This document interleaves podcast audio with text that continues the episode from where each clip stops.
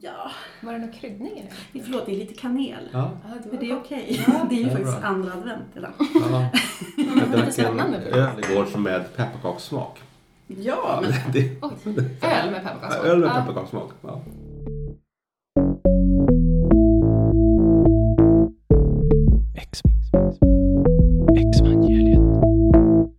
Jesus lever. Dina synder är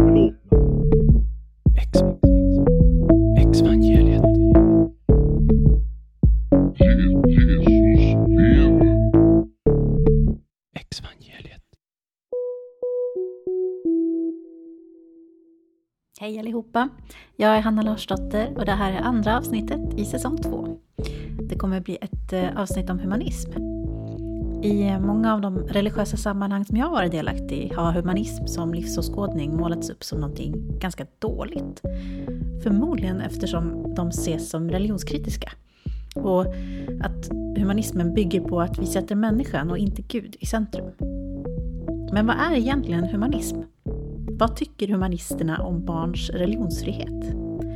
Måste man vara ateist för att vara humanist? Och är humanism också bara en annan typ av religion?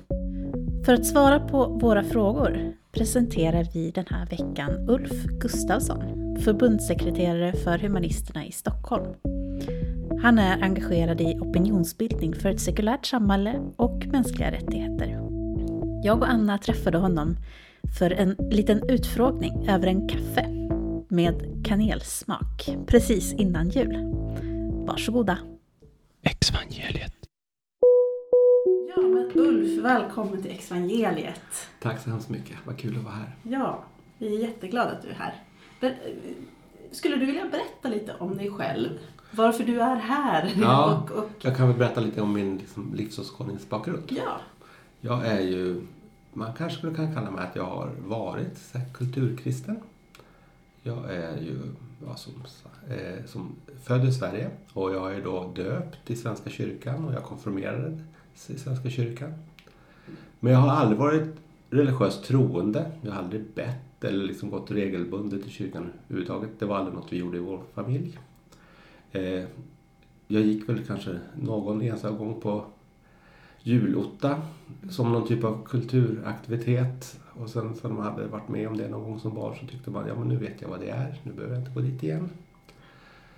Sen levde jag mitt liv utan att liksom religion eller Gud var liksom närvarande överhuvudtaget. Jag tänkte aldrig på frågor om religion och jag kan inte minnas att jag hade speciellt många religiösa varken vänner eller släktingar som jag liksom tänkte på. Jag, jag vet att min mormor gick i kyrkan regelbundet och hon pratade ju ofta om hur att hon tyckte in, inte om prästerna. De var så negativa och pratade om liksom ondska och jobbigt. Hon ville liksom ha det trevligt i kyrkan. Mm. Det var sånt som hon, hon kunde berätta om. Men det var typ nästan det mesta kontakter jag hade liksom med religion i mitt liv. Och sen, ja det var till och med så att när vi fick en son för, och han är snart 18 år, så döpte vi honom. Och det var också där, något som jag inte reflekterade över då överhuvudtaget. Vi tänkte att det gör man ju i Sverige, man döper barn. Och sen något år efter det så tyckte jag att ja, men, jag är ju inte liksom kristet troende på något sätt. Jag tycker det här är inte viktigt för mig. Varför är jag medlem i Svenska kyrkan? Så då bestämde jag mig någon gång så här, typ för 13-15 år sedan att gå ur Svenska kyrkan. Och i samband med det så blev jag medlem i Humanisterna också. Det var bara liksom en slump eller någon omständighet som jag inte riktigt vet. Och sen efter något år så började jag intressera mig för de här livsåskådningsfrågorna. Huvudsaken från början var nog liksom rent filosofiskt. Så här, liksom, riktigt så här, varför tror man på Gud och vilka argument finns det för att tro på Gud och eh, moraliska frågor och sådär. Inte så mycket liksom om livet allmänt och hur man lever och vad det betyder utan ja, så blev jag i alla fall engagerad i Humanisterna. Det var liksom min bakgrund i korthet. Mm. Vi har ju också Anna med oss idag. Nu höll jag på att glömma bort att säga det. Eh, Hallå! jag börjar bli så van med att du är med. Men det är så, jag tycker det är kul att vi börjat spela in tre personer här. Det är ju faktiskt andra avsnittet här som vi har tre personer. Mm. Mm. Mm. Välkommen Anna. Tackar. Eh, vi har ju massa frågor båda två till dig Ulf. Ja, Om humanisterna ja, och det. hur ni jobbar och vad ni engagerar er i för frågor och sådär. Ja, men alltså anledningen till att vi och jag ville ha med dig eh, idag är ju just att vi upplever att det finns ett tomrum för de som lämnat sin religiösa tro. Inte för Mm. alla såklart, alla hittar ju olika vägar och sådär. Men, men jag kan ju i alla fall uppleva det, att det fanns eh, någon slags det man of- säger ju ofta att man lämnar sin tro. Ja. Vilket ju också är en väldigt så eh, svartvit bild av vad tro är kanske. Alltså, ehm, det finns ju så mycket att tro på här i livet. Ja, Förutom liksom jag har tänkt på det när jag religiösa lyssnat på något tidigare avsnitt här. Mm. Att ni, ni pratar om tro som, som om det alltid är religiös tro. Mm. Eh, Ja, det diskuterade vi. Ja, och jag tror att det, det är just att vi är så präglade tror Ja. jag, båda två. Och även eh, kyrkan. Ja. Alltså just den här att, eh, att lämna sin tro eller att, Ja. att falla. Eller Ja. att, att, det är just väldigt närvarande tror jag för både dig och mig Anna. Mm. Alltså, mm, man måste hela tiden förhålla sig till den här religiösa delen. mm. Vilket också gör att det är svårt att veta hur, har man, hur kan man tro utan tro? Alltså, Ja, för att det blir liksom som att man måste, man tror att det är det här tom, tomrummet som man måste leva i. Eller, inte alla, men, men Ja, som men sagt. alltså, det, det som är spännande, jag tycker, om jag reflekterar över mitt liv så är det så här, jag har ju levt i det här tomrummet, men Mm. det var ju ett fullt liv. Mm. Det var ju ett komplett liv utan några brister och utan liksom någonting som man saknade. Ja. Det är först liksom de sista tio åren i mitt liv som jag har funderat, vad, vad, liksom sätta ord på de här Mm. sakerna och vad tror jag egentligen på Mm. som jag aldrig behövt fundera över. Vi har ju liksom fått växa upp då med de här trolösa människorna och hur liksom alla, alla epitet man satte på dem då. Ja. Liksom. Mm. Alltså, Vilket, vilket är ganska, liksom, idag tycker jag det inte alls känns bra liksom, att- med den uppdelningen just som Mm. du pratar nej, om. för vi, liksom. nu är ju även vi de här trolösa. ja, precis. Nej, men att, att, och det, det är det vi är så medvetna om just det, alltså, som du säger. Alltså, vi, vi lärde oss ju att utan kyrkan och utan Gud så, så är inte livet eh, på riktigt, liksom det, det är ett tomt liv. Mm. Det enda man gör är ute och, och dricker och Ja.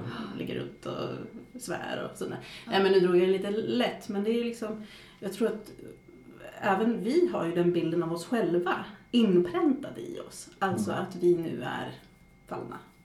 vi Ja. är ju en del av dem. Jag upplever ju inte att livet är tomt Nej. idag. Men, men jag kunde få den där känslan eh, just eh, under perioden som, som jag inte längre hade det här Gud att vända mig till. Ja, men det kan jag förstå. För jag, Mm. jag tror att, men det, det, det jag tänker är att det är ju en typ av identitetsskapande man har gjort. Och då när man tappar den identiteten så är det, blir det liksom tomt. För man undrar vem jag är då nu. Mm. Och det gäller ju alla människor oavsett situation. Ja, Mm. Man kan likna det kanske med någon som har liksom arbetat på ett företag hela tiden och sen så har man tyckt att det här är mitt liv, att gå till det här jobbet Mm. och göra de här arbetsuppgifterna. Och så blir man pensionär. Mm. Och så funderar jag, vad handlar mitt liv om nu? Mm. Absolut. Det är samma liksom mänskliga mekanismer Mm. som styr vårt tänkande där. Mm. Precis, och det är jätteintressant. Och jag tror att det är bland annat därför som Mm. vi vill prata med dig. För att jag, jag, vill, jag skulle vilja ta bort den där laddningen kring just det här tro, icke-tro. Utan prata om det i ett bredare, bredare perspektiv. För, för även inom, i alla fall inom min rörelse, det, eller där jag rörde mig, där kunde man till och med prata om humanisterna som, alltså det var lite demoniserat. Ja. Eh, Just för att jag tänker att ni har en... Jag tänker att, att man tänker att ni är emot religion och Mm. nu vet jag ju att ni inte är emot religion kanske. utan För religion. Ja, men det där kan Ja. vi gå in på. Alltså, jag, kan ju bara, förstår. jag, jag förstår det. Jag känner Ja. igen det liksom i vissa sammanhang. Vi känns som liksom de fienden eller de, Mm. som, de andra. Mm. Samtidigt som Alltså jag, har också, liksom, även om jag förstår att det, liksom, det är lite överdrivet så förstår jag också att för att det är det vi förespråkar kan jag förstå att man ut, utmanar verkligen människor på djupet. Mm. Om man har en sån här religiösa bakgrund. Mm. Mm. ja, ja men det, så är det. Och, Mm. och någonstans kan jag känna att, ja, men, som jag sa tidigare här, att, att jag har ju hamnat i det att jag, jag, jag bryr mig om människor och jag, jag är intresserad av hur tänker människor, hur lever människor Mm. tillsammans, hur skapar, skapar vi en gemens, gemenskap eh, och att sätta människan i första rummet. Mm. Men vi har ju också lärt oss att eh, man sätter Gud i första rummet och sen genom det så bryr man sig om människor. Ja. Eh, och, ehm, jag kan tycka att det är en liten onödig omväg idag. Mm. Men det var ju naturligt för mig att tänka så Ja. Men, men just, ja, vad tänker du? Ja, jag tycker också att det är, liksom, det är inte bara en onödig utan det det är ju indirekt i alla fall lite farlig omväg. För att om man då tappar sin religiösa tro då innebär det också att man tappar liksom sin tro på människor och Mm. sin människokärlek och den delen, om den bygger på den religiösa tron. Mm. Och man måste finna den på nytt på något sätt. Mm. Mm. Nej, men som vi pratade om i tidigare avsnitt, där med liksom det, här med att det här uppdelandet av den mänskliga naturen i liksom ont och gott hela Mm. tiden. Mm. Och att det liksom är den goda sidan som är värd någonting hela tiden. Mm. Eh, och liksom, för att Gud bryr sig om människorna och vill att vi ska bli det här fantastiska, goda, fina. Därför är vi värda mycket. Men liksom, Mm. om vi är då ondskefulla eller bryr oss om saker som är den här mörka skuggsidan av oss som vi har pratat om. Liksom. Mm. Men att då är man liksom inte då är det inte lika bra, inte lika Nej. fint. Liksom. Mm. Så där, där kan jag se faran bli liksom genom att sätta Gud först och inte människan i sin helhet, liksom, Mm. med båda, alla sina sidor. Liksom. Mm. Absolut. Mm. Exvangeliet. Och jag kan tro att man, alltså, jag tänker så här att många religiösa resonerar som vi. Mm. Och liksom, de tycker egentligen inte det här är ett problem. Mm. Men man lever samtidigt kanske i en miljö där berättelserna är sådana att det blir ett problem. Och då lyckas man, liksom, vi människor är jättebra på att leva i liksom interna konflikter. Liksom, vi klarar ut det oftast. Mm. Vi lever i en miljö och tycker något annat. Men det funkar ofta. Mm. Och jag tror ju att det är liksom, så det, för många är det inte alls ett problem. Och det är först när man börjar verkligen prata om det och försöka sätta ord på det som det blir jobbigt. Mm. För då vet man inte riktigt, då kan man inte säga två saker samtidigt. Just det. Blir det en kogni- kognitiv dissonans? Ja, just det, som det heter. Om vi ska prata lite fina ord. Ja.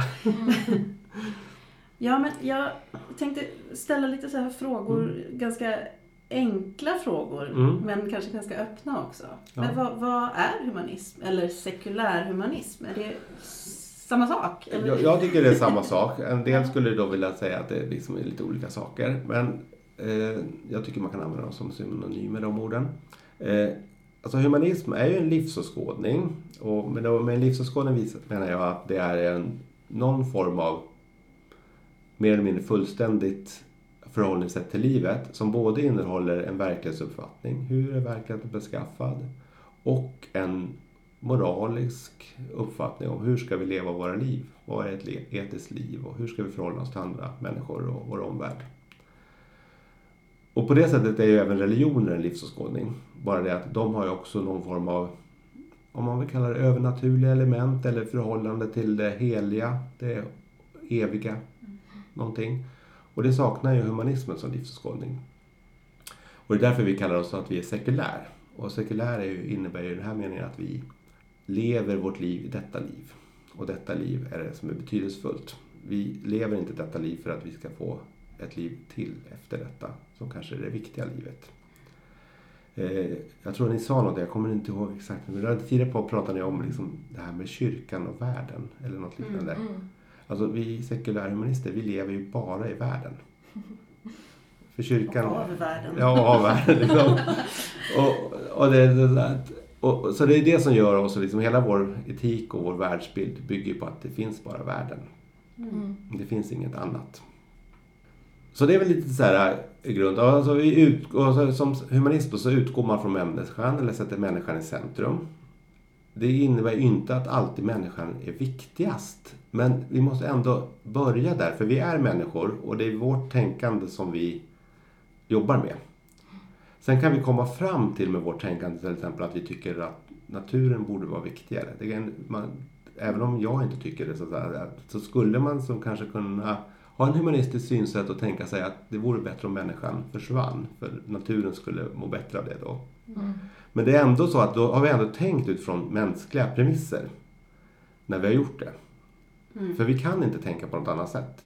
Det är det som liksom ligger i vår grund. Vi är människor och vi måste utgå från oss själva och vårt eget tänkande. Mm. Och det gör ju också att när vi studerar människor och studerar oss själva så märker vi också att även om vi säger att vi har liksom förnuft och vi har ett samvete. Förnuftet är liksom bra när vi ska utforska världen. Men det innehåller ju massor av brister. Både som personer och som liksom grupper så gör vi misstag när vi liksom ska lära oss saker.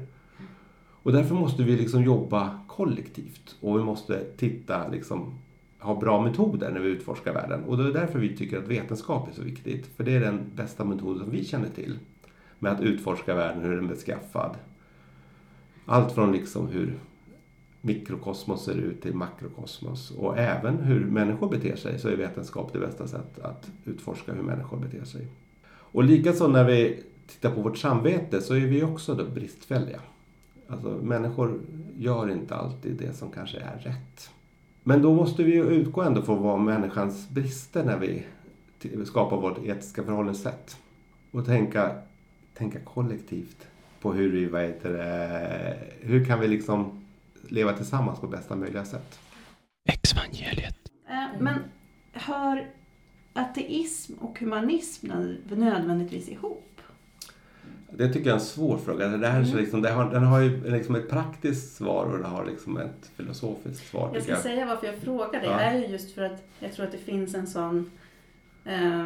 just ateism är ju ett väldigt laddat ord. Ja. Alltså begrepp liksom i, inom kyrkan, där jag i alla fall har Ja. varit. Mm, och, och just det där att man, man buntar nog ofta ihop Ja. ateism, ja, ateism och humanism. Och det är Och, ibland så tror jag när man pratar om liksom religiösa företrädare, när de gör det, eller liksom när man, då är det ett sätt att lite grann förminska humanismen. Man vill säga att de är ateister för att man vet det inom sin egen grupp så tycker man ja men ateister är inte bra människor. Då kan man liksom kalla människor ateister för att liksom förklara för dem. Ja, jag tror oftast att man, att man pratar om ateism som en livsåskådning. Ja, ja det gör jag också. Det är vanligt, Ja. eh, tänker jag. Men Ja. jag tänker att jag separerar lite Ja. på... Alltså för mig är ju ateism Ja. bara en fråga om Mm. man tror på Gud eller, Mm. eller Mm. inte. Jag tror ju så här att, att eh, det, det har ju ihop på flera olika sätt. Ett sätt är ju så att människor som har varit religiösa och blir ateister så är ofta liksom ateismen det, det är liksom viktigaste på något sätt i början. Mm. När man har liksom lämnat sin tro så är det på något sätt förhållandet till Gud som det avgörande i sin tankeverksamhet. Mm. Och det gör ju ofta att människor som har varit religiösa blir först ateister. Ja. Och sen börjar de fundera på vad är jag Mm. mer än att vara ateist. Och, så det, kan ju, det är som, som någon form av motståndsidentitet mot det religiösa. Mm. Så på det sättet så, så hänger det liksom ihop. Och då menar jag att det hänger ihop att först blir man ateist och sen kanske man blir sekulär humanist. Mm. När man har väl funderat igenom andra aspekter av livet också. Mm. Det, det är ju till och med ateist, alltså inte Gud. Ja. Liksom. Det är ett nekande i det ordet till Ja. och med. Vilket, är, vilket kan bli då den här konflikten som du säger, liksom, att det, deras grej är att det inte är Gud och det är ju ont då liksom, Mm. för Mm. en religiös person. så att säga. Men eh, som vi har pratat om också, liksom, att det, för vi har ju upplevt liksom, hur världen växer snarare. Mm. Hur man liksom kommer fram till andra värden att tro på. Liksom, att det, så här, det handlar ju om så mycket mer än bara det här inte Gud. Liksom, Ja. precis som du säger. Mm. Mm. Men, men sen finns det ju en annan aspekt i frågan. Du säger att man liksom... Ja, det är ju så att man kan vara fullt... Nu ringer kyrkklockan här bak. här. Vi har, vi har en kyrka precis här bredvid så att den, det är ju andra advent också som Ja. sagt. Exvangeliet. Jo, men sen, sen finns det ju då en andra aspekten av frågan. Det är så att det finns ju mass, massor av människor som är religiösa och tror på Gud som också ser sig som hum- humanister. Mm. Och det visar ju att det går alldeles utmärkt att vara ateist, eller vara humanist och icke-ateist. Mm. Och, men då tror jag att de människorna använder ordet humanism lite mer som medmänsklighet i allmänhet. Mm. Eller så gör man det som, ser man det som humanism som bildningstradition. Att man, att man har, och för det finns ju de två typerna av humanism, eller de betydelser av ordet humanist i Mm. svenskan. Att både som en bildningstradition och medmänsklighet. Mm. Men när vi pratar om humanism så pratar vi om det som livsåskådning. Och då tror jag att det är mer svårt att vara religiöst troende och humanist samtidigt i den betydelsen. Mm. Och det är ju därför att man som humanist, om vi verkligen ska sätta människan i centrum, eller utgå från människan, då kommer Gud i andra hand, även om vi tror på Gud. Mm. Och, och det är lite, det är som du sa en kognitiv dissonans. Hur ska man kunna tro på Gud och sätta Gud i andra hand? Just det. Det, det är, jag förstår inte riktigt hur man kan få det, även om jag tror att människor klarar kanske av det på något sätt. Kanske att det, liksom, det kommer till sin spets i vissa frågor, tänker Ja. jag. Alltså att man kanske kan gå runt eh, i sån livsåskådning tills man stöter på ett problem där det Ja. verkligen ställs i konflikt mot Absolut, varandra. ja. Liksom. Kanske. Ja, ja, men jag upplever också att vissa eh, som tror på Gud eh, också kan förena det genom att man kanske ser Gud som en del av sig själv. Eller att man, alltså att, att man inte har riktigt den där uppdelningen av Nej. Gud och människa. Utan jag, jag har ju själv svårt att förstå det för att jag är så Ja. lärd i den här uppdelningen i Gud och Mm. människa. Men som jag har förstått det så har det ju, har jag, finns det ju också en bredare bild av Gud. Mm. Att man i vissa traditioner tänker att man får, får vara lite, ha lite den bilden Mm. man känner att man själv vill ha av Gud. Ja, Och då kanske det är lättare att kombinera dem. Ja, det går ju absolut att kombinera om man tänker sig att eh, Gud är liksom kanske skaparen av världen, Mm. men sen har Gud lämnat universum, eller aldrig varit i universum. Mm. För då kan man ju tänka sig att menar, det är ju det är en fråga som vi inte vet riktigt. Mm. Om Gud finns bortom universum och vi inte kan utforska det, då är, i den frågan är ju även jag agnostiker. Just det. Mm. Det, jag vet inte om Mm. Gud finns. Mm. Och, det, och, och det är det när man kommer kanske då till den filosofiska frågan att då går det också att vara alldeles utmärkt alltså tro på Gud, att Gud finns. Men vi har ju inga bevis för eller belägg för att den guden finns. Men man kan ju, det finns ju ingen direkt motsättning Nej. mellan då att vara humanist och bara det att vi ser inte Gud i vårt universum. Gud finns inte Mm. närvarande här nu. Det som jag har stött på är mycket det här att Gud kan vara en samvete eller överjag. Alltså så Ja. här att det är en del av oss själva som du säger. Mm. Liksom att man kan... Ja, alltså kanske att man kan koppla ihop det så att man har respekt för allas inre röst på något sätt. Mm. Alltså att man tänker på det så. Fast det blir svårt när de inre rösterna pratar emot varandra, tycker Mm. jag. Men, om det är olika personer som Ja. tycker olika saker. Men ja. Mm. Och sen, sen finns det en tre, eller en tredje eller fjärde aspekt av det här. Det är så här att om man nu, när man kanske då har blivit övertygad humanist eller sekulär humanism och tänker liksom att ja, vänder sig till vetenskapen för, för att få svar på hur livet ser ut och hur världen är konstruerad. Och då blir man förmodligen ateist för att man ser att det saknas ju liksom hållbara belägg för att tro på Gud. Mm. Och då är ju liksom ateist en konsekvens av att man är sekulär humanist. Fast jag tror att det, det är ganska få som idag som tänker så i sitt verkliga liv. För man, ateismen kommer nog först på något sätt. Mm. För att den är så... Antingen är den liksom när, inte närvarande, man är ateist och tänker inte på det. Eller så om man tänker på att man är ateist, då har man, sätter man det i relation just till att icke Mm. tro på Gud. Mm. Ja, men det, det som är med den här podden är ju, den handlar ju om dekonstruktion också. Ja. Eh, som jag upplever har blivit väldigt, väldigt mycket samtalat om just Mm. nu. För att det är många, kanske speciellt i min generation så, som kommer från en lite mer så fundamentalistisk eh, situation, eh, eller omgivning och sen så dekonstruerar man. Och då kan det ju vara så att man mer tar bort eh, de omkringliggande sakerna och hamnar till slut i att Gud, liksom, jag tror på Gud i alla fall. Mm. Hur kan jag, eh, men hur vill jag leva mitt liv eh, när jag inte har den här eh, kyrkliga traditionens sätt att se på Mm. Gud. Alltså, jag vet inte riktigt varför jag tog upp det här, men Nej. jag tänkte att det, det är också ett avskalande. Eh, jag tycker det, det är en väldigt viktig del i, i att kunna också få röra vid eh, tanken om, ja men, ja men vem är den här Gud? Ja. Alltså jag, nu har jag tagit bort mina eh, liksom kulturella, i min kyrkligt kulturella kontext. Ja. Liksom. Och vad är Gud? Och där kan man ju också hamna i ett, men tror jag verkligen på Gud? Eller liksom, Mm. ja, jag tycker det är en väldigt en viktig eh, aspekt att ta med, att det är en skala också ibland, inte bara Åh, nu blev jag ateist eller nu blev Mm. jag... Mm. Jag, vet, inte, jag har i alla fall varit med om det, en lång, lång, lång liksom, väg från, Ja. från att vara innerligt, innerligt troende och inte tvivla överhuvudtaget på Ja. någonting. Men till att liksom, plocka bort en sak efter en sak efter en sak. Mm. Till slut liksom, hamna i, jag kanske inte är kristen, jag kanske inte tror till och med på Gud. Nej. Nej, men, man måste, men då måste man ju fundera på vad det innebär att tro på Gud. Alltså det är ju ett... Att säga det har ju en bety, många, många olika betydelser. Mm. Och, och likadant har ju ateist, att vara ateist väldigt, Mm. flera olika betydelser. Man kan lägga olika saker. Jag tycker det mest, för mig är det mest anv- användbara sättet att se på att jag är ateist, det är att jag lever mitt liv som om Gud inte finns. Alltså ingenting jag gör i mitt liv tar jag hänsyn till Gud. Alltså det, Gud skulle kunna finnas. Men jag gör ingenting för att liksom bry mig om det. Mm. Och tänker man så, då lämnar man i alla fall den här liksom kunskapsfrågan lite grann därhän. Mm. Fast det, det, man måste ju såklart, om man, man är inte förne, ja, man kan ju vara liksom förnekare eh, på något Mm, sätt. Där. Och. Jag känner mig inte som en förnekare, liksom, Mm. att ha en uppenbar sanning på något Nej. sätt. Eller- Mm. Jag förstår. Ja.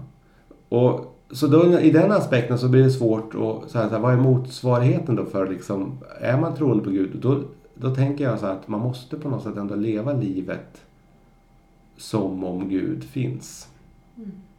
Göra, när man gör saker i sitt liv, då, då, då tänker man på vad, vad vill Gud nu? Mm. Vad vill Gud med mitt liv? Men då finns det en annan aspekt som jag tänker komma till. Jag tror ibland människor har Gud som liksom det här falla tillbaka på. När livet är jobbigt och liksom man tvivlar på sig själv och sådär. Mm. Och då tror inte jag man tänker så här, vad vill Gud i vanliga livet? Utan Gud är mer så här trygghet eller vad ska man, hur, hur skulle ni kunna formulera det? Kanske, Ja. vad, vad innebär det liksom? Att man, man var, till vardags så har man inte Gud men sen nu blir det jobbigt i livet och då ber jag eller liksom gör någonting som Mm. och då är inte Gud guiden för mitt liv på något sätt eller liksom den som ger mig svar utan den som egentligen finns där när jag behöver det. Precis, för jag kan tänka liksom att ehm, man har den här bilden av Gud och så på det så sätter man alla sina tröstande grejer då, hoppet, kärleken, ljuset, alltså att det finns en väg framåt.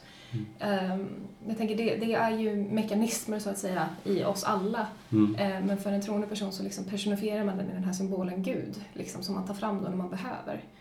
Eh, Jag känner ju nu för mig att det är så här, det spelar inte så stor roll för mig om det finns en Gud eller inte, för det här hoppet och kärleken har jag ändå liksom, Mm. i mig. Eh, Och det kan jag kalla för Gud då. Liksom. Ja. Jag vet att religiösa säger ju att jag fortfarande har Gud fast jag inte tror på det. Alltså, Mm. så här, jag, jag känner inte att jag vill så här, ehm, vad ska man säga, det finns ett ord, Ja, jag tappar orden igen. Är det ett engelskt ord? nej men, att, nej, men att, att Gud på något sätt har monopol på det här, liksom, de där Ja, grejerna i ja, mig. Mm. Liksom. Eh, och att jag ska liksom ut med all den kraften och kärleken och ljuset ut i någon varelse utanför mig som jag måste så här, förhålla mig till för att vara värd den här Mm. eh, vägen framåt eller ljus och hopp och vad det nu är. Men liksom att, att så här, nej men jag, jag har ju det ändå fast jag inte tror på Gud Ja, längre. liksom. Ja. Ehm, ja, så, så jag, eller jag har sett i alla fall den här faran i att liksom lägga ut den kraften utanför sig själv. Liksom. För, det, för mig var inte det bra. Alltså jag, jag tror jag känner ju många som just um, ja, men har Gud som, som den här kär, väldigt kärleksfulla Mm. guden. Mm. Eh, liksom, jag kan göra vad som helst, jag är alltid välkommen, det är bara nåd och det är Ja. bara liksom, och det, ehm, i, det, I det fallet, jag kan ju ha en åsikt om det, liksom rationalisera kring det Ja. när jag pratar med en sån person. Men jag kan känna också att ju mer tryggare jag blir i Mm. att frånkoppla mig själv ifrån det här som triggar mig i att Mm. måste rationalisera, kan jag känna också så här, ja, men, att jag kan respektera på något sätt. Okej, du har den här mm, du, kärleksfulla liksom, kraften som du tyr dig till när det är jobbigt. Ja. Och det är ditt sätt att hantera livet på. Jag, jag, det tar emot på ett sätt att säga det. Men jag kan känna också att jag måste kunna ha den respekten för en annan person. Eh, på samma sätt som jag vill att de ska kunna respektera mitt, Ja, mitt Mm. icke...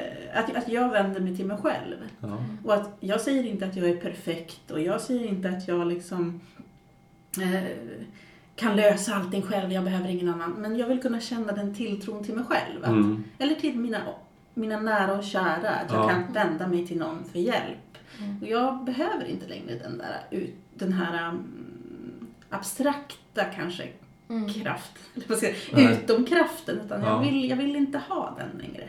Men den var väldigt värdefull för mig ett Ja. tag. Och jag har ju den erfarenheten och därför Mm. kan jag också förstå ja. alltså att man kan ha den och, jag, och värdesätta, alltså att man kan värdesätta Jag- den jag väldigt mycket. Förlåt. Mm. Eh, nej, men jag tror att det, det kan ju vara den stora krisen då, när man liksom tappar sin tro. Att man har liksom ehm, allt det här hopp och kärlek eller vad det nu är, tröst, liksom allt det som man har, att man har lagt det i Gud och sen så spricker bilden av Gud och så Mm. tror man att det där inte finns kvar. Liksom. Ja. Eh, och man har fått höra så mycket skam då från ateister och så. De, Ja. de går bara runt i mörker och det är så hemskt och så. Alltså i alla fall eh, liksom, i, min Ja, ja, rörelse, verkligen. i min rörelse så var det väldigt demoniserande av liksom, den fallna världen. Så. Mm. Men som du säger, jag blir Ja. nästan lite rörd när du säger liksom, så att det var ett fullt liv. Ja. Och det är ju självklart nu, men Ja. liksom, när man är i det där och bara får höra hur hemska ni är hela tiden. Ja. Liksom, eh, att det är så här, nej men alltså vi har ju det här ändå för att vi är människor, liksom. Ja. inte för att, eller ja. Ja. Ja, och Ja. den här sorgen som jag har pratat om förut också, men som jag upplever att, att eh, många som fortfarande är troende känner inför att jag har lämnat. Eller, det finns en sån sorg eh, som jag liksom inte känner igen mig i. Alltså, Mm. jag är så, så glad att jag är där jag är nu. Mm. För att jag, jag känner att jag får utforska livet på ett annat sätt Mm. och vara mycket friare och sådär. Så, och, men jag måste hela tiden förhålla mig till min egen sorg för att på något sätt ha förlorat Gud och för andra människors sorg över att de inte kan förhålla sig till mig på samma sätt. Alltså vi Mm. delar inte den här Mm. ehm, ja, större bilden. Mm. Säga. Och, då, och jag, och jag vill ju också förmedla det på något sätt att det, jag, lev, jag har ett helt fullt liv. Alltså Ja. det, det är ingenting som fattas för mig idag. Nej. Utan det, det känns bra, Ja. Ja, helt men- enkelt. Jag, jag tycker det är jättespännande det ni säger. Och jag, jag, jag tänker det här, det här är för mig som liksom inte har haft så här jättemycket kontakt med religiösa människor om man tittar liksom stor del och inte varit praktiserande kristen eller religiös på något sätt. Så inser jag ju liksom att det här är ju någonting i människors liv som jag inte riktigt fattar. Mm.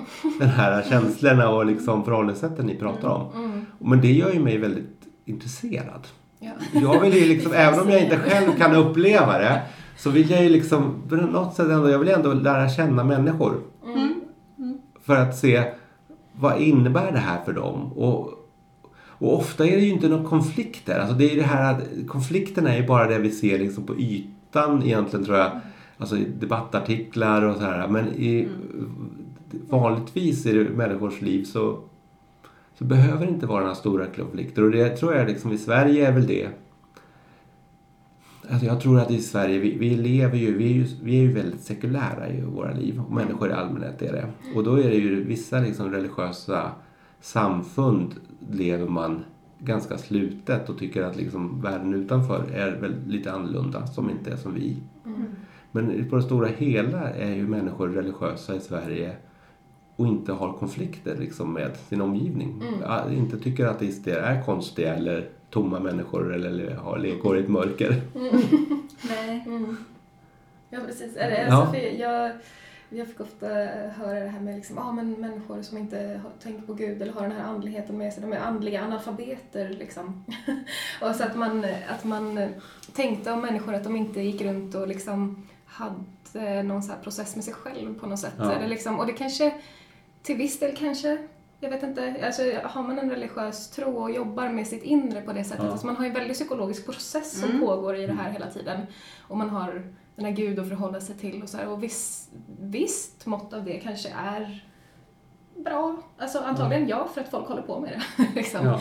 Men eh, det kan också vara tilltrasslande har jag sett liksom, i min erfarenhet. Så, ja, jag vet inte.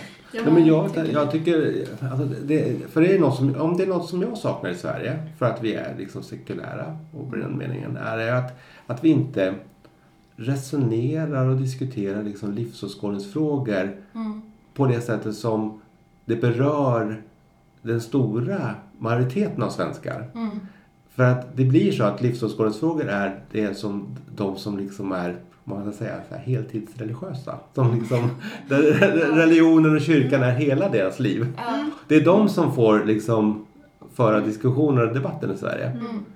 Medan människor i allmänhet, de lever sina liv på, och, men man behöver inte fundera på vad det innebär. Vad har jag för liksom, vad är grunden för min etik? Mm.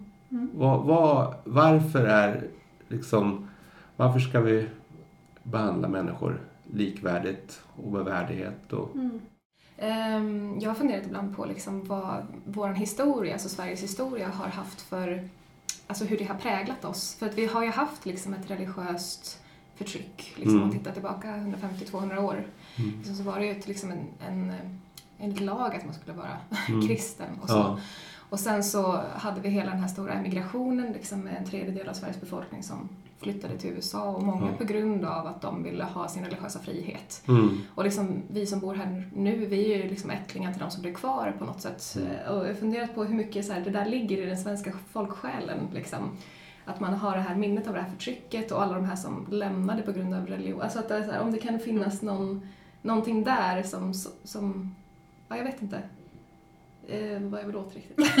Men liksom att det, så här, jag har funderat på om det är liksom har varit, om det är någon så här eh, allmänna Sveriges avighet till religion på något sätt, om det liksom ligger någonting där i det. Jag vet inte. ja, kanske.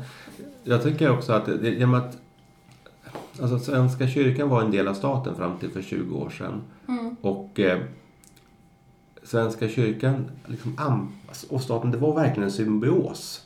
I den meningen att kyrkan anpassade sig till liksom, ri- riktlinjer. Vi fick liksom, kvinnliga präster i Svenska kyrkan kom inte för att man ville det inifrån kyrkan utan faktiskt för att staten ställde krav på att Mm. genom demokratiska processer så bestämde nej, vi, vi kan inte ha det, liksom, den ordningen längre. Och det här gjorde ju liksom att man, jag tror att vi kanske i stora grejer, man, man såg sig som religiös utan att behöva liksom fundera på vad det innebar att vara kristen i Sverige, stora mängder av människor. Och det kanske gjorde att vi tappade liksom kontakten på något sätt med liksom de ja, vad ska man säga, de, liksom underliggande, vad säger, kallar du det filosofiska liksom tankar ändå som finns inom religioner och inom kristendomen. Som även då finns liksom inom humanismen och som om man, bara det att man kommer fram till lite annorlunda svar men reflektionerna är grunden densamma. Mm. Och det tycker jag liksom, där tycker jag är det är någonting som vi saknar där, liksom i samtalet i Sverige. Mm. Nu kom jag på liksom en annan sak som liksom förklarar liksom vad, vad så här, humanism är. Mm. Och det är ju också det här liksom att det är viktigt, är man humanist och sekulär humanist så tänker man ju så här att alla våra berättelser om Gud är ju liksom skapade av människan. Och det gör ju också att det, de liksom religiösa skrifterna är ju skapade av människor. Det är, sen är det människor som har sagt att det här är Guds ord. För att ge dem legitimitet eller på något sätt få, göra dem viktigare. Men det innebär ju också att det som finns i religiösa skrifter, mycket av det kan ju vara liksom mänsklig visdom.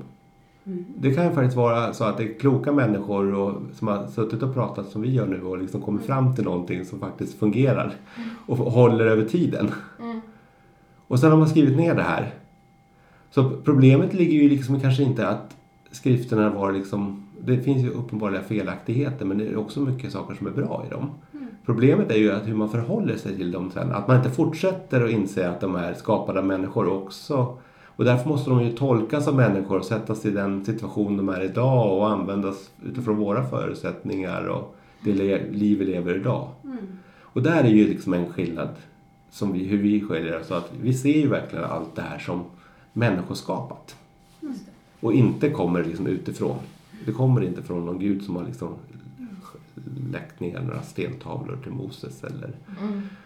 på något sätt det, det har bara getts människor utifrån. Eller guldtav, Ja, Guldtavlor, ja. guldtavlor Från sin Ängelholm som Ja. dyker upp i jorden. Ja, nej men, ja, men verkligen. Ja. Och det, det, blir lite spännande här, för det finns ju liksom de som tror verkligen att det är Guds ord och sen Ja. så de som eh, tänker att så här, Gud är en del av människan och liksom i inspiration och i ett speciellt tillstånd så kan man komma åt det här gudomliga goda i en och skriva ner. Mm. Sen finns sen det ju så- de som faktiskt ser det som att det är människor som har skrivit det. Och Ja. att det Ja. faktiskt är vissa, alltså som du sa. Ja. Alltså Ja, även det går människor som är troende. Ja. Kan ju faktiskt resonera så. Att det Mm. är Absolut. visa ord liksom, som vi Ja. kan använda oss av för att reflektera Ja. över liksom, livet och sådär. Och det, är- det, är det, är- det blir lite spännande för jag tycker så här, det blir inte så skarp skiljelinje här egentligen. Liksom. Det, det är lite så här spektrum här känner jag. Alltså, Ja, det, är, det är alltid ett spektrum. Ja, nej, men det blir tydligt Ja. Nästan alltid. Jo, och, och det finns ju liksom, om man bara liksom är lite så här, tänker efter, så finns det så här fantastiska saker som liksom, i Bibeln så har vi liksom, vi har fyra evangelier Mm. som vi liksom skriver ur fyra olika perspektiv och det finns liksom motsägelser i dem. Mm. Och tänker man på det så inser man ju liksom, men det är ju människor som har Mm. sett någonting och så har de skrivit ner det och de var inte riktigt överens för de kanske inte såg samma sak eller de har inte fått samma sak berättad för sig. Mm. Exvangeliet. Hur tänker du kring moral och etik? Ja, Hur kan men- vi forma det här goda samhället som vi Jo, för det första så tänker jag så här, att alla människor har ett samvete. Det är lite svårt att förklara vad samvete är, men om vi är ändå överens om att vi har ett samvete. Så att vi på något sätt har en inre kompass som vet vad som är rätt och fel. Och den, den är ju både biologisk i den meningen att liksom, i evolutionen har vi formats som människor. Så vi har någon form av känsla för det här. Vad som är rätt och fel, vad som är värdefullt och vad som... Och det kan man ju, den kan man ju liksom eh, grunda liksom i riktigt så här långt tillbaka. Som att vi liksom, vi, vi behöver mat. Så att det, det är bra att äta, att svälta sig mår vi dåligt av. Och det är sådana riktigt biologiska mekanismer. Men det är också till liksom sådana saker som att vi behöver omtanke och närhet till andra människor och liksom och där, där har vi liksom en del. Sen har vi också den kulturella delen av liksom vår moral och etik som skapar liksom som är sen som grunden till våra grunden till våra lagar. Och det, det är ju det är också en mänskliga skapelser i att vi har utformat det här i diskussioner och genom att tänka och formulera. Och oftast så är ju liksom vårt samvete och våra liksom kulturella normer, värderingar i samklang någorlunda. Inte för alla människor, men liksom för de flesta. Men sen kan det också vara så att det liksom inte är det ibland. Och att vi måste ändra våra lagar och regler. Och att liksom... Och, och där är ju det som för oss humanister är ju så att det finns ju ingenting liksom, det är ju inte skrivet i sten det här. Utan det här är ju någonting som vi måste prata om och diskutera hela tiden. Och även om vi tror att det finns objektiv moral i den meningen att det liksom har det finns någonting som är det rätta och det goda. Det är inte relativt och det är liksom inte olika för olika människor. Så det finns någonting som liksom, men det är abstrakt. Och det kan liksom inte riktigt formuleras. Det är kanske mer som ett mål som vi strävar åt än liksom något som vi kan praktiskt uppnå. Eh, men vi måste ju ena tiden tänka på att det här är något som vi måste fundera på och bearbeta och reflektera över och ifrågasätta om det stämmer eller kan vi göra det här bättre. Mm. Och det kanske bara är i de här riktigt, alltså, alltså, om man tänker sig riktigt nästan abstrakta teoretiska fall som vi kan komma fram till en säker sanning. Jag brukar ta som exempel att man eh, det är alltid fel att döda en människa mot dess vilja. Om allt annat är lika. Mm. Men det är liksom sånt, det, den, det fallet finns ju inte i verkligheten. Mm. Jag förstår. Men det, det är nog en, skulle jag säga, det är en moralisk sanning. Den, Det kan bara vara på ett sätt. Mm. Och sen måste man beräkna in situationen Ja, och kontext och ja. och det blir ofta komplicerat och därför kommer vi aldrig ha ett svar. Och Mm. jag tror inte att vi kan ha, det finns ju liksom olika sådana här moraliska moralfilosofier som har liksom utilitarism Mm. och Kants pliktetik och sådana saker. Jag tror ingen av dem är rätt Mm. i den meningen. Det är bara liksom hjälpbar, hjälpsamma modeller som fungerar i vissa fall, och eller ganska många fall. Men man måste liksom tänka på alla de modellerna samtidigt för att liksom kunna hitta liksom vad som är rätt i en viss situation. I vissa fall är det kanske rimligt att ha en dygdetik, att tänka på hur man gör och hur man beter sig istället för vad det var för resultat. Just för att resultatet är så svårt att förutsäga. Då måste man ha någon typ av lathund eller liksom någonting av liksom någon regel. Ja, det är inte en regel utan mer så att jag var rättvis. Det är liksom en bra grundförutsättning nästan alltid. Och för att du vet inte liksom hur ditt beteende liksom påverkar andra människor. Du kan inte förutsäga allting. Och det är ofta så här att vi kanske... Alltså vi vill ju kanske göra andra saker med vårt liv också. Vi vill eh, spela fotboll och lyssna på musik och laga mat och ha goda samtal och inte fundera allt så mycket på vad som är rätt och fel. Så därför måste vi ha lite, liksom, lite lathundar, lite så här quick fix ibland för att vi ska kunna leva vårt liv också. Exvangeliet. Men hur, hur eh, ser ni på religionsfrihet? Vi är för religionsfrihet. Eh, det man måste tänka på är ju att när vi pratar om religionsfrihet, eller eh, egentligen när vi pratar, alla pratar om religionsfrihet fast man kanske inte tänker på det, så, så är det ju liksom religions och överskå, eh, övertygelsefrihet. Alltså det gäller ju inte bara att man har det, frihet att det, ha sin egen religion utan också en frihet att inte ha en religion. Men också friheten att ha andra övertygelser som är väsentliga för ens liv. Det kan handla om att man är ateist eller humanist. Eller, men också handla om att man är vegetarian eller pacifist. Eller, och alla de här typerna av övertygelser som grundas kanske djupt i en själv på något sätt. Som har en betydelse för hur man lever sitt liv och hur man, vem man är som människa. Vilken identitet man har. De är liksom viktiga för människor. Och därför så måste vi ha den friheten att både uttrycka dem och välja dem. Och ha dem och leva med dem och välja bort dem och ifrågasätta dem och allting. För att ska vi ha friheten så måste vi inte bara ha ett alternativ utan vi måste ha många att välja på och också kunna välja. Eh, sen är det ju så att religionsfriheten har ju begränsningar precis som alla friheter som vi pratar om. Eller yttrandefriheten har begränsningar. Vi får inte det, hålla på med ärekränkning eller hatbrott eller sådana saker. Och därför så har ju religionsfriheten också det. Religionsfriheten stannar ju, skulle jag säga generellt sett, där den berövar andra människor frihet. Och för oss humanister så är ju, vi sätter ju inte bara människan i centrum utan det är ju liksom individen vi sätter i centrum. Vi utgår ju från att det är varje individ som har rättigheter. Och där skiljer vi ofta oss lite grann från religiösa för där är ju det kan både vara familjen men också liksom samfundet och kyrkan på något sätt som är viktigare. Individen får ofta underordna sig liksom kollektivet. Och det har ju vi humanister väldigt svårt för. Vi är lite mer som katter än hundar. I den meningen. Inte lika mycket flockdjur. Nej. Bra liknelse. Det är därför jag gillar katter. Ja.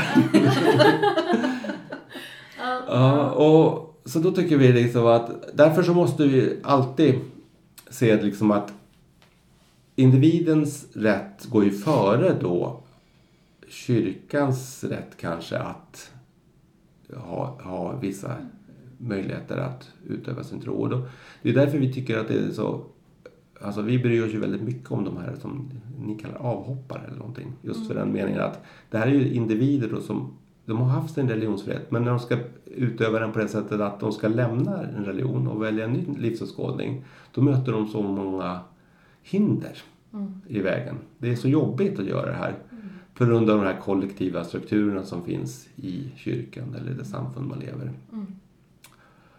Och det här gäller ju också barn. Där, där vi har ju liksom som humanister sätter ju, vi, vi ger ju barnen mycket mera rättigheter. Eller vi i alla fall strävar efter att barnen ska ha mer rättigheter. Vara större religionsfrihet än många religiösa tycker är lämpligt.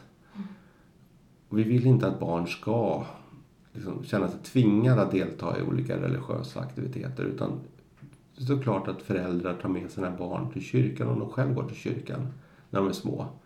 Men när barnen liksom blir äldre och kan uttrycka sin egen åsikt och vill spela fotboll istället för gå till kyrkan, då får ju föräldrarna faktiskt fundera på vad är rätt här för mitt barn?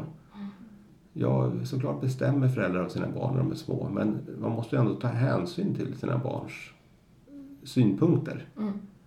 Och man kan inte utgå från att ett barn ska bli liksom kristen eller mormon eller vara medlem i pingstkyrkan bara för att man har föräldrar som är det. Mm. Mm. Och där finns det det där bibelcitatet som vi har diskuterat. Vänj den unge vid den väg han bör vandra så Mm. viker han inte av Mm. ifrån han blir gammal. Och, Ja, och där har ju liksom kristna som någon sån här grej då att liksom en duktig kristen förälder eh, vänjer då barnen vid Ja. den kristna vägen så att de kan hålla sig till det och liksom Mm. stå fasta i sin tro även i vuxen ålder. Liksom. ja. Och så blir det då ett föräldramisslyckande när ens barn väljer en annan väg. Mm. Där är det ju, det kan man ju diskutera gärna. Ja, men också att det är så känslosamt för jag tror att det är så många som, det är verkligen, man känner att det här är det bästa i livet. Att, att ge Mm. mitt barn den här gåvan av tro liksom, Mm. och relation med Gud. Och det är där det blir så svårt. Alltså, jag tror att det är den här emotionella delen. Eh, för, att för att det låter, jag, jag, jag tycker ju också att barn borde kunna få en större religionsfrihet. Alltså det, det, det tror jag Ja. på. Mm. Men jag vet också hur, hur, hur emotionellt det kan bli. Ja, och jag, i, alltså i extremfallen så är det ju... Jag har ju mött personer och diskuterat med dem när vi diskuterar till religiösa friskolor och sådana saker där de säger att ja, men, vi måste hålla våra barn borta från liksom det sekulära samhället. Mm. För att de riskerar ju att hamna i helvetet om de inte tror på Jesus. Ja, precis. Alltså det är en risk att barnen utsätts för fel påverkan. Mm. Och är, tror man det så kan så jag har ju ändå en liksom viss, alltså inte sy, sympati kanske för starkt, men ändå liksom någon form av förståelse för de här personerna att de, det här är oerhört viktigt för de här föräldrarna. Mm. Precis. Och, och sen drabbas deras barn av det, tyvärr. Exvangeliet. Men, eh, men ja, alltså det där är ju en otrolig eh, konflikt. Alltså det uppstår otroligt mycket konflikter och liksom djupgående konflikter i Ja. människors liv av liksom just den här skärningspunkten. Liksom föräldrar som de har skaffat sin familj, de har skaffat sina barn och de har den här tanken om hur de ska liksom forma sin familj och leda alla barn på den rätta vägen. Liksom. Mm. Och de tror verkligen, alltså de är djupt övertygade om att liksom i sin kärlek till sina barn att det här är det bästa de kan göra för dem Mm. skydda dem från allt det hemska liksom, och eh, leda dem till liksom, vägen till himlen så att säga. Ja. Och, och, och det är liksom otroligt starkt för de här föräldrarna. Eh, samtidigt som att, jag vet inte, ja, Jag tänker just vad ska inom, man göra där? inom religionerna så är det ju också Ja. just det, vi pratade om det att familjen är Mm. nästan en väg Ja. till frälsning. Ja. Och där ja, hamnar du ju verkligen i den konflikten. Ja. Det, det blir så otroligt viktigt. Ja, och det kommer ju också, alltså mycket av den här attityden kommer från de amerikanska frihetstankarna också, Mm. liksom att man ska få vara fri och herre i sitt eget liv. Liksom. Ja. Och där finns det också, det finns många hemskolningsförespråkare Mm. inom mormonrörelsen. Liksom. Ehm, att man ska liksom att man som förälder har den rätten att skapa sitt eget lilla kungarike. Liksom. Ja, och det är till och med det. som vi är på väg till. Vi ska till det här Ja. celestiala riket med vår familj och frälsa oss i evigheten tillsammans genom våra familjeband. Mm. Liksom. Så det är otroligt stark prägling på just det här. Liksom. Och sen kommer då hemska humanister och säger Ja. att nej, liksom, barnen måste få sin frihet och de måste få välja själva. Och det är Ja. liksom som att här, öppna vägen till helvetet för de här Ja. barnen. Liksom. Så ja, det är... Ja. Ja. Wow. Kommer ni öppna helvetet? Ja. Och det sämsta med det är ju att vi tror inte på helvetet så vi tror ju inte att de ska, Det finns liksom ingen Nej. möjlighet att de skadas för det här. Ja, det är ju det vi har pratat om Ja. också. Den här, all den här rädslan som Ja. försvinner när den här bilden spricker. Ja. Liksom, att det är så här, åh, kan jag gå runt och andas liksom? Behöver inte vara rädd för den här domen, det här helvetet, det här hemska Mm. som skulle hända nu liksom. Ja. Mm. Ja. Exvangeliet. Men det kanske du känner till, alltså Ja. för att barnkonventionen ska ju bli lag här Ja. vid årsskiftet. Och det, är liksom, är det någonting som ni... Ja, vi har pratat en hel del om det, haft några lite seminarier och diskussioner runt det. Alltså, det här är ju det är väl oklart än så länge vad det här innebär. Men vad är, berätta mer om den här lagen. Alltså, för det första så är det så att barnkonventionen har ju varit indirekt svensk lag genom att vi har, vi har ratificerat den i Sverige. Och liksom, Så den, den man har behövt förhålla sig till den tidigare. Så av den anledningen så är det inte en jättestor skillnad. Men det som ska bli nu är ju att själva barnkonventionen, själva texten som den står i konventionen ska bli svensk lag. Och det är ju en text som är liksom, den är inte skriven som svenska lagar brukar vara. Så det kommer ju vara liksom, man kommer, jurister och de som jobbar med barnrättsfrågor kommer ju behöva förhålla sig till det här på ett lite annorlunda sätt. Och vad, det är ju liksom, sen dis- diskuterar ju människor som är mycket mer insatta gör det här om det kommer stärka barns rättigheter eller liksom försvaga dem. Och det kan man ju säga att det, de som säger att det försvagar den säger ju att vi har ju en barnrättstradition i Sverige som är väldigt stark jämfört med and, många andra länder. Och barnkonventionen är ju skriven som ett eh, tillsammans med många länder och då gör ju det att den kan innehålla skrivningar som man har lagt dit bara för att vi ska komma överens med andra länder. Så därför kan den vara lite svagare än eh, andra. Men de som säger för, de tycker ju nog att det är så här, ja men nu kommer ju barnrättsfrågor bli mer aktuella. Vi kommer behöva diskutera de här frågorna. Bara det, det gör att vi kan liksom flytta fram barns positioner i deras rättigheter. Och vad det gäller religionsfrihet är ju så, där finns det ju en artikel som är, det finns ju flera saker som berör barns rättigheter, men där, det finns ju en artikel i barnkonventionen som är knepig. Och det är den artikeln som gäller religionsfrihet. Och det gör ju så att hela barnkonventionen är skriven utifrån barnets perspektiv och ska sätta barnet i centrum och man ska se vad är det bästa för barnet. Utom den artikel som står, handlar om religionsfrihet. För där står det att barn har rätt till religionsfrihet men föräldrarna har rätt att guida dem. Så att i en, artik- eller i en konvention som handlar om barns rättigheter så står det också om föräldrars rättigheter. Eh, vilket är knepigt. Men det är ju just för att man har varit tvungen att komma överens i många länder där liksom religionen har så stor betydelse och familjen har så stor betydelse. Där man, alltså det är ju inte bara att familjen är viktig i, religionen utan faktiskt familjen, det får man ju säga, att familjen är ofta en motkraft mot staten och där man är misstroende mot staten så kan vara familjen, liksom att behålla familjens kraft och stabilitet är ett sätt att vara eh, göra motstånd mot den här typen av staten som är överhög och bestämmer allt i människors liv. Vi måste ha någon liten hemma i vårt hus får vi bestämma själva vad vi vill och där ska inte staten peta. Det är ju i sig en lite någorlunda rimlig position. Så att eh, det är väl det som handlar om vad barnkonventionen, vad det blir av den. Vi humanister hoppas ju verkligen att barns religionsfrihet lyfts fram. Att, att man ser barn som egna rättighetsbärare i, även i frågor av religion. Och vi har ju argumenterat när vi pratar om till exempel att vi jobbar emot att mot religiösa sk- friskolor. Vi vill att man ska förbjuda dem i Sverige. Och då använder vi religionsfrihet som ett argument för vi tycker att eh, barns religionsfrihet är viktig och då kan inte föräldrar välja vilken skola de ska gå utifrån föräldrarnas religiösa övertygelse.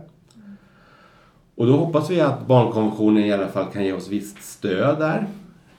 Och, och då att, att man, det går ju fullt, alltså föräldrar kan ju guida sina barn utanför skolan. Det är ju bara en liten del av ens liv, skolan. Sen har, har man ju fritid och lov och stora delar av livet utanför skolan. Där kan ju föräldrar övertyga dem om de vill övertyga dem att bli humanister eller ateister eller mormoner.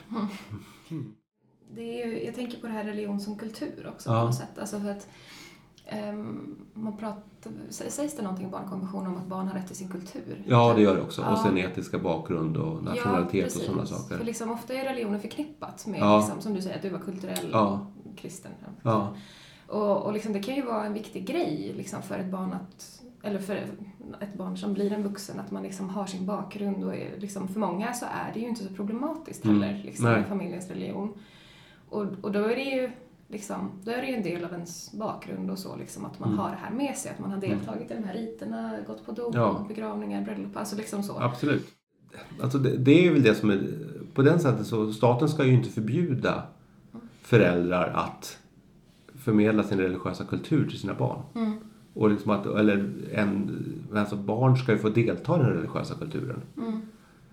Eh, sen, sen är det ju en annan sak att om staten, i skolan är ju staten aktiv. Mm. Det, där agerar ju staten. Det är det vi är emot. Att staten aktivt ska eh, förmedla en viss religiös åskådning. Och det gör de ju med de här konfessionella friskolorna. För de har ju en religiös inriktning. Mm. Ja, eh, nej men för jag, jag, går ju, jag pluggar ju till lärare då. Mm.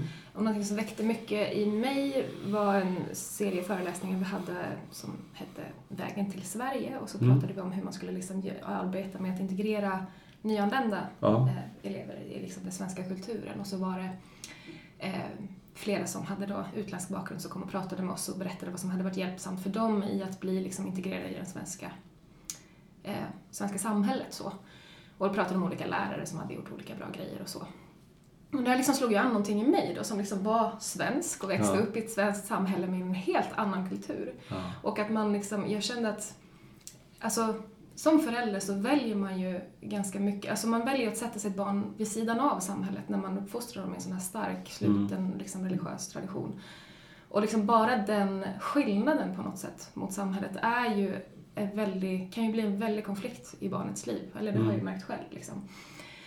Ehm, och liksom, när man kommer som invandrare då eller någonting, då, då blir det ju så tydligt att man pratar inte svenska eller sådär. Men för mig så var ju liksom, jag var ju svensk och ändå så Ja. åtskild. Ja. Och liksom, där kände jag så här, ah, tänk om det hade funnits resurser på något sätt för att så här, integrera mig då. liksom, eller så här, jag vet inte hur det Ja. skulle ha gått till, eller och vad som hade varit lämpligt och vad som hade inkräktat på mina föräldrars rätt då. Mm. Och liksom hur mottaglig jag hade varit för något sånt. Men liksom att det ändå är något så här eh, man, jag tror att det är viktigt att diskutera just den här kulturella grejen som kommer med religion och vad är, vad kan vara problematiskt för ett barn liksom, när man får en sån annan kultur med Ja. sig. Liksom. Och jag är jättetacksam att jag liksom fick gå Mm. i någon slags vanlig skola då, Mm. liksom, och ändå fick vara en del av samhället. Mm. Alltså jag, Mm. det hade inte, ja. Ja, det gjorde ju jag också. Men Ja. som sagt. Mm. Men, men jag känner ju många som gick i, har gått i religiösa friskolor Mm. också. Mm. Som, jag menar, måste att göra vissa... Eller det, det finns ju en hel anda där liksom. Mm. Så, och, och, ja. Och det, som ungdom så älskade man ju det där när man kom tillsammans. Liksom, Ja. vi, alla vi som var från, hade samma tro och man kände att man kunde få vara fri. Och, det. Ja. Mm. och liksom, det, det var ju en fantastisk gemenskap samtidigt. Mm.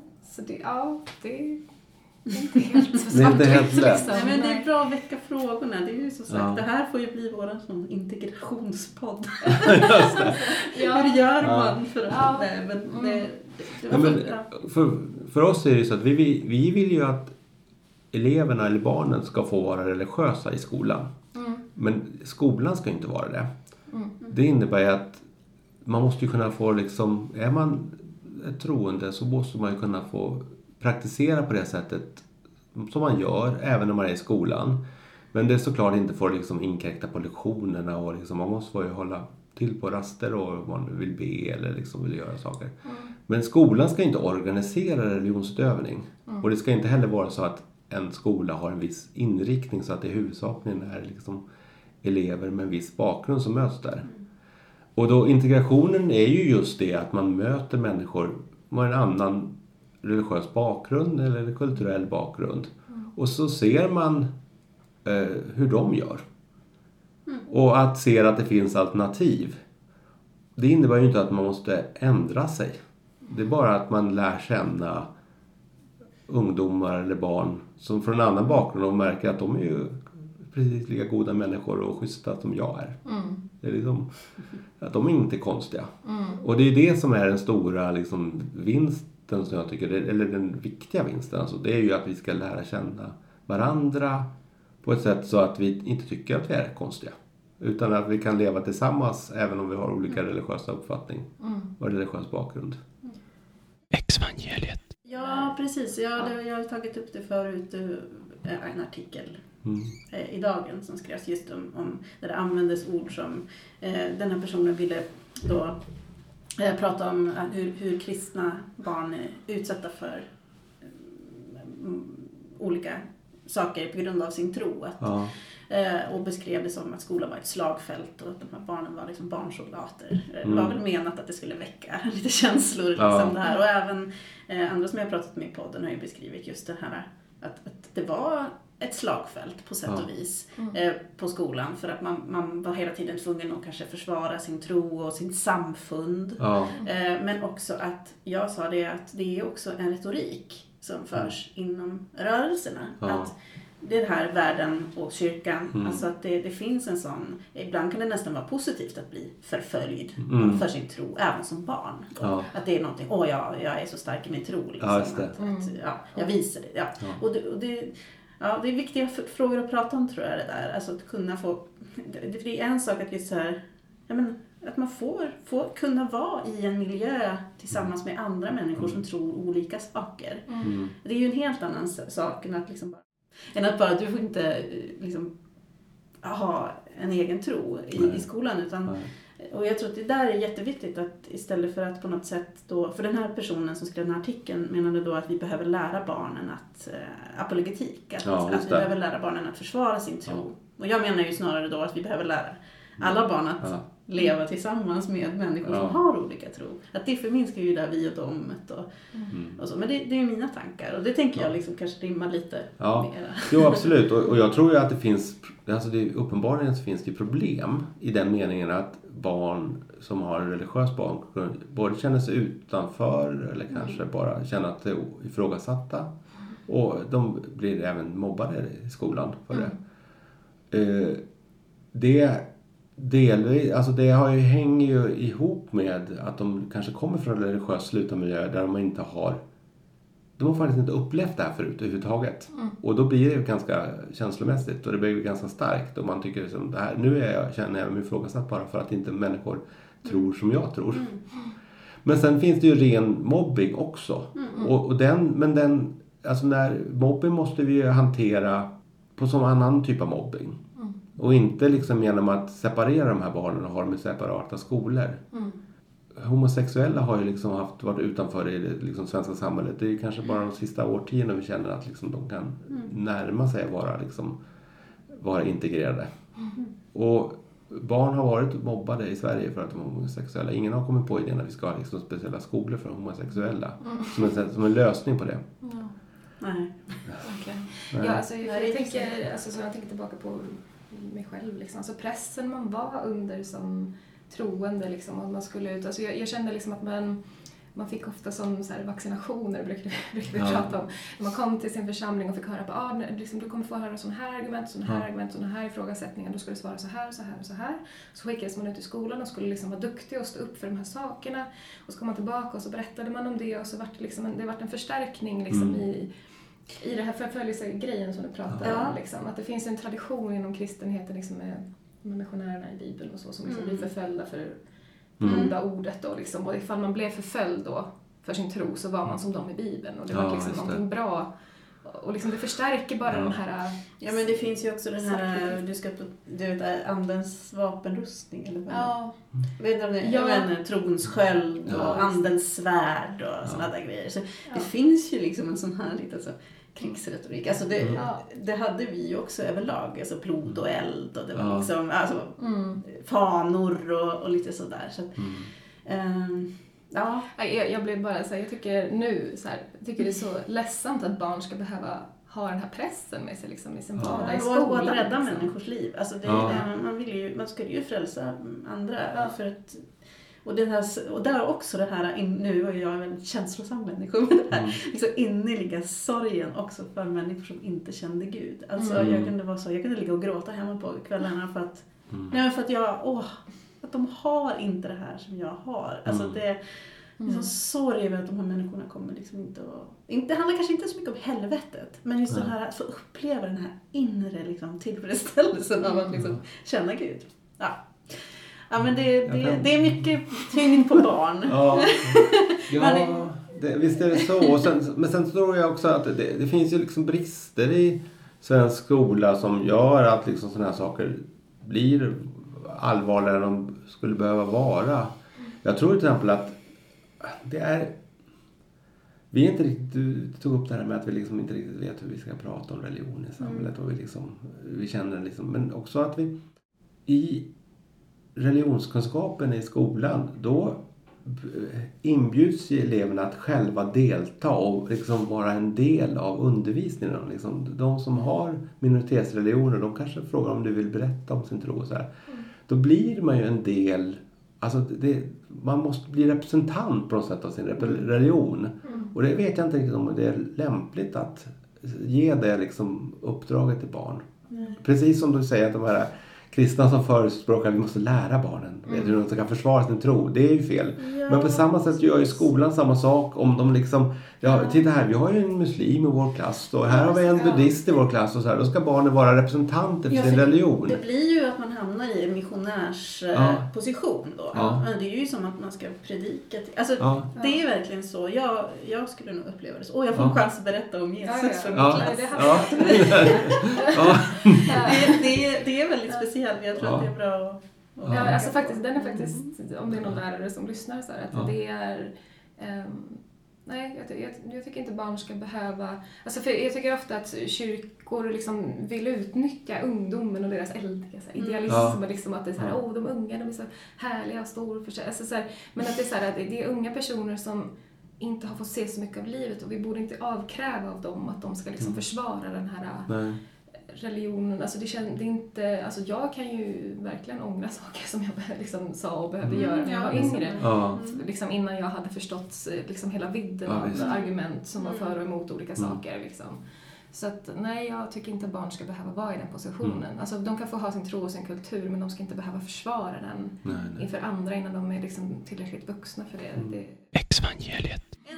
Nästan sista fråga. Men hur jobbar ni inom humanisterna för att uppnå de här målen? Mm. Som ni, hur skiljer de här eh, sätten sig från religiösa organisationers sätt? Och hur är de Alltså- lika? Nej men alltså, ja, Kanske var en konstig fråga?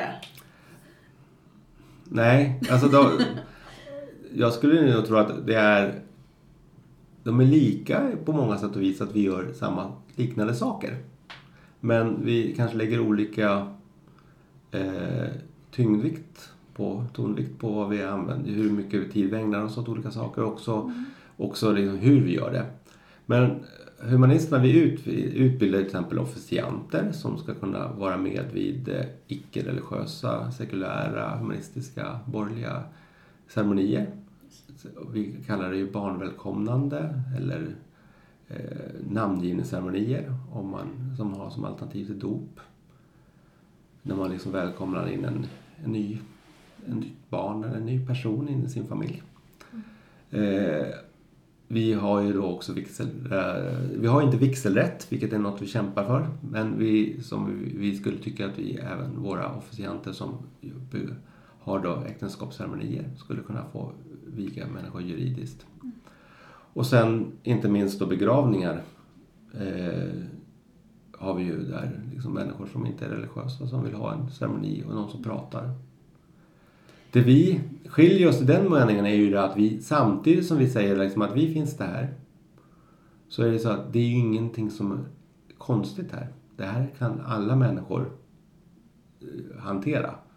Man behöver inte ha en officiant från humanisten de blir barnvälkomnande utan det kan faktiskt föräldrarna eller någon morbror eller någonting sköta. Men ni menar att det här är någonting mänskligt? Alltså det, Ja. de här typerna av ceremonier, det behöver inte vara religiöst kopplat utan det är Nej, något som vi alla har behov har, av. ja. Och sen, sen kan det ju vara, alltså det, det finns ju saker som, alltså, att man, när man får barn och att man dör, det är något som drabbar alla människor. Ja, ont och gott. Och det, så det är ju verkligen allmänmänskligt. Att giftermålet är ju ganska väl kopplat liksom med tvåsamhetsnormen och det är ju något som är liksom djupt också rotat i religiösa kulturer. Så där försöker väl vi vara lite som du säger att det är liksom det kanske inte, det är ju verkligen inte ett sakrament för oss om man säger så. så att, utan det är ju liksom någonting, det är ju sådana saker som människor gör och, därför, och tycker är viktiga. Så därför vill, tycker vi också det är viktigt att hjälpa dem att uppmärksamma det. Men vi har ju också haft diskussioner och det är vid något deltag, enstaka tillfälle händer det att vi liksom, någon hör av sig och vill ha liksom en ceremoni för en skilsmässa. Och då kan vi liksom diskutera hur gör man det? Det är de här övergångsfaserna i Ja. livet på något sätt som, Ja, visst. ja, som är viktiga. Ja. Få ett avslut eller få en bör- Ja. tidig början eller liksom Ja. sådana saker. Ja. Och sen har vi också då konfirmationer Mm. som vi kallar humanistiska konfirmationer. Vi använder ju ordet konfirmation som liksom bekräftelse. Eh, det vi bekräftar, liksom, eller det, det ungdomarna bekräftar, är ju egentligen bara precis det de själva vill. Men vi ser det som att ja, det här är ett steg i vuxenblivandet. Eh, sen, är det, sen skiljer sig våra konfirmationer väldigt mycket från vad heter det, kyrkliga konfirmationer. För att vår, våra konfirmationer är ju så att de görs ju av ungdomarna själva. I den meningen att våra handledare finns bara där för att se till att det blir någon form av ordning och reda och ett schema för dagen. Och sen så inleder vi olika diskussioner. Till exempel nu ska vi ha ett samtal om demokrati. Och då sätter man igång det i gruppen. Och sen får ungdomarna själva prata om demokrati eller sex och samlevnad eller sådana frågor som vad heter det, ungdomar tycker är viktiga. Och de börjar den veckan. Vi har ju både sommarläger och sen har vi som man läser på terminen och på veckokvällar. Men på sommarlägren börjar alltid med att man liksom ungdomarna själva får ta upp de frågor de tycker är viktigt. Och sen så liksom får de själva bestämma vilka mm. teman ska vi ha. Men då har vi liksom en bank av 20 teman och kanske de väljer 10 och 12 av dem som man hinner med på en vecka.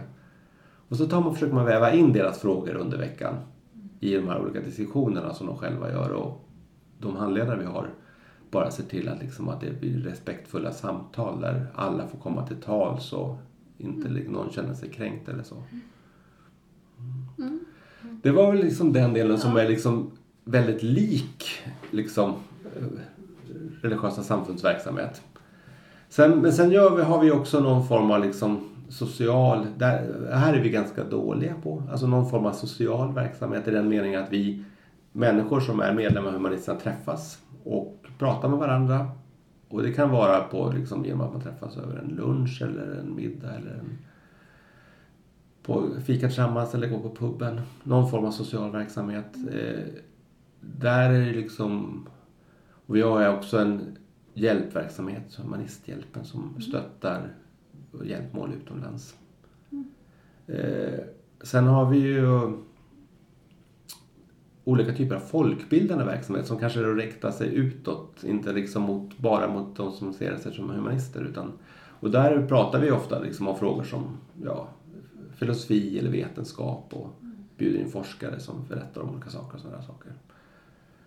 Och sen slutligen som gör det som vi kanske är mest kända för, för det som människor i allmänhet ser, det är ju liksom vårt opinionsbildande arbete. Att vi skriver debattartiklar och pratar med politiker och försöker påverka olika organisationer i frågor som rör mänskliga rättigheter, det sekulära samhället, religionsfrihet.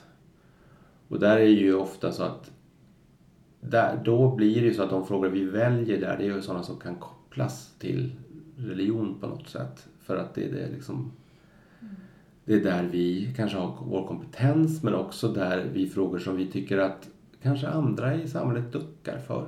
Man vill inte prata om omskärelse av pojkar som, som har diskuterats här nu i höst. Mm.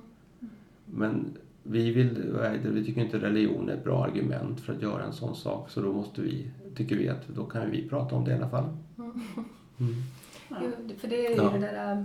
Um, alltså för kyrkan blir ju lätt liksom, tar ju på sig rollen lite grann som så här moralens väktare lite så. Ja. Och, och att, att de har koll på de här frågorna. Har, liksom, Att det inte blir att, att det är de religiösa som får diskutera de här frågorna utifrån sina, sin världsbild bara. Ja. Liksom, utan Mm. det, finns ju, det är viktigt där de är motpol. Viktigt Ja. och modigt tycker jag. Mm. Ja. jag. Jag vet inte, jag, ty, Tycker jag tycker jag. inte det är modigt. Ja, I den meningen att alltså, det, Mm. Men eh, om vi, vi, nej, vi har inte varit inne liksom på en internationell perspektiv. Men att Nej. vara liksom humanist eller ateist i andra länder kan ju direkt vara modigt. Mhm. För då sant. kan, man, då kan det handla om att man riskerar både sitt liv och sin hälsa Ja. för att man gör det. Så är det absolut inte i Sverige. Vi är ju, känns ju liksom, Mm. snarare är det ju så att vi är för mesiga. Eller liksom för tycker folk att man var, var, hur kan det vara, er verksamhet vara viktig i Sverige? Mm. Ja. Ja, Ja. Exvangeliet. Eh, ni har ju filosofikafe. Ja, som jag har blivit inbjuden till att delta. just det. Vi har ju, lite. det brukar vi ha. Det har vi på olika platser i Sverige. I Stockholm Mm. har vi det några gånger under året. Och då, då, de går ju till så att vi träffas ofta då på ett café. För det är en Mm. trevlig miljö för att ha en lite så här mer informellt eh, Mm. samtal. Och då brukar det gå till så att man har en person som inleder och pratar om en fråga Mm. som känns aktuell eller viktig bara så här. Och sen så pratar den personen i 20 minuter för att sätta. Sen, sen efter det så har man liksom någon typ av runda bordsamtal där alla som är med får dela sina erfarenheter eller frågor eller liksom bidra med. Är det här öppet för allmänheten eller är det, inbjudna Nej, Det är, ja, eh, jag vet inte varför jag sa nej där men det, det, är, det, är, eh, det är, ja det är öppet för allmänheten. Det är, alltså det är all, nästan alla våra arrangemang vi gör Ja. är öppna för allmänheten. Det är liksom typ de enda sakerna som inte är det. är ju typ när vi har våra riktiga medlemsmöten som, eller årsmöten Mm. och sådana saker som där man måste vara medlem för att få rösta och sådana saker. Men annars är alla vart Ja. öppna. Ja, för jag tänkte då kan vi ju lägga ut en liten länk sen Ja, när, vi, när, av, jag, ja. när jag ska vara med och prata om det någon som vill komma och Ja. lyssna och kanske samtala Ja. om det. För att jag menar, Mm. I Sverige är det ju någorlunda liksom ni har ju berättat i er liksom, tidigare avsnitt i Vala hur det, liksom, att det kan vara jobbigt och känslomässigt jobbigt och även att, att familjer tar avstånd från det. och Så här. Men det är ju sällan liksom, så att människor liksom utsätts för hot och våld när de lämnar sin religiösa övertygelse i Sverige. Mm, Men det är det ju internationellt sett mm, eh, vanligt att man är. Och vi har ju kontakt med många det, människor som har liksom flytt till Sverige för att de har blivit ateister. mm, Eller sekulära och inte liksom huvudsakligen, då, då har de ju lämnat islam. Och den, alltså, den typen av liksom att vara då extroende är ju oerhört jobbigt. Och det behövs er podd är ju jättebra just för att den liksom pratar om det och människor får någon röst att lyssna på. Som kan dela, man kan dela erfarenhet med. Så det är ju väldigt viktigt att man kan hitta liksom, människor som är, känner att ha delar erfarenhet och kan liksom prata med varandra. mm, Och jag tror att det är så att för att man, man jag tror man känner sig lite ensam ofta. mm. Även om man inte behöver vara rädd eller hotad i Sverige så kan man känna sig ensam när man liksom har lämnat sin tro på det sättet. Ja, för på något sätt så är det ju liksom, det är de yttersta existentiella frågorna för, Ja. för människor som man liksom brottas med. Och liksom det är ju djupt skakande i grunden för människor att liksom Mm. gå in i den här processen, tänker jag. Mm. Om man dessutom då blir utsatt för förföljelse på grund Mm. av att man är i den känsliga fasen. Det är, Ja. det är inte okej. Det Nej. Och som Det- du säger, det är det där ensamma. Jag tror att det, även som du säger, jag sa att ni var modiga. och Det är nog kanske för att jag, jag, jag just det här att prata om sådana här frågor, att Ja. våga göra det när man också har i, i bakhuvudet det här gamla sättet att tänka och, och även hur man, man vet hur andra runt om sig tänker. Det är, det är den här inre brottningskampen hela tiden. Ja. Och jag tror att alltså, jag kan känna så här att jag har ett sånt privilegium att kunna bo i Sverige och jag kan prata om såna här saker. Ja. Eh, Rent liksom i samhället, det är inte någonting som slår tillbaka på mig. Mm. Däremot så är det just känslomässigt kan det vara jobbigt Mm. och känsligt gentemot familj och vänner och sådär. Mm. Men, men det är ju också ett privilegium att faktiskt kunna stå och berätta och prata och ta kontakt med andra människor. Så det har jag känt har varit jätteviktigt för Absolut. mig. Känner vi oss nöjda? Vill du tillägga någonting Ulf? Nej, jag har fått prata väldigt mycket. Ja. ja men jättekul Ja. verkligen. Jag, jag hoppas att det här kan bidra till, till eh, ja, kanske någon blir intresserad av Ja. er verksamhet. Och, Absolut. Ja. Alla är Ja. välkomna. Mm. Det är bara en hjälp att tänka vidare. En Ja. sån process. Liksom. Tack för idag. Tipsa gärna andra om podden. Du hittar oss även på Facebook och Instagram och hör av dig om du har tankar, frågor eller åsikter. Till nästa gång, låt inte tron forma dig, forma din egen tro. Och evangeliet är de glada nyheterna för dig som lämnat tron. Den religiösa, då. då. Hej då! Exvangeliet.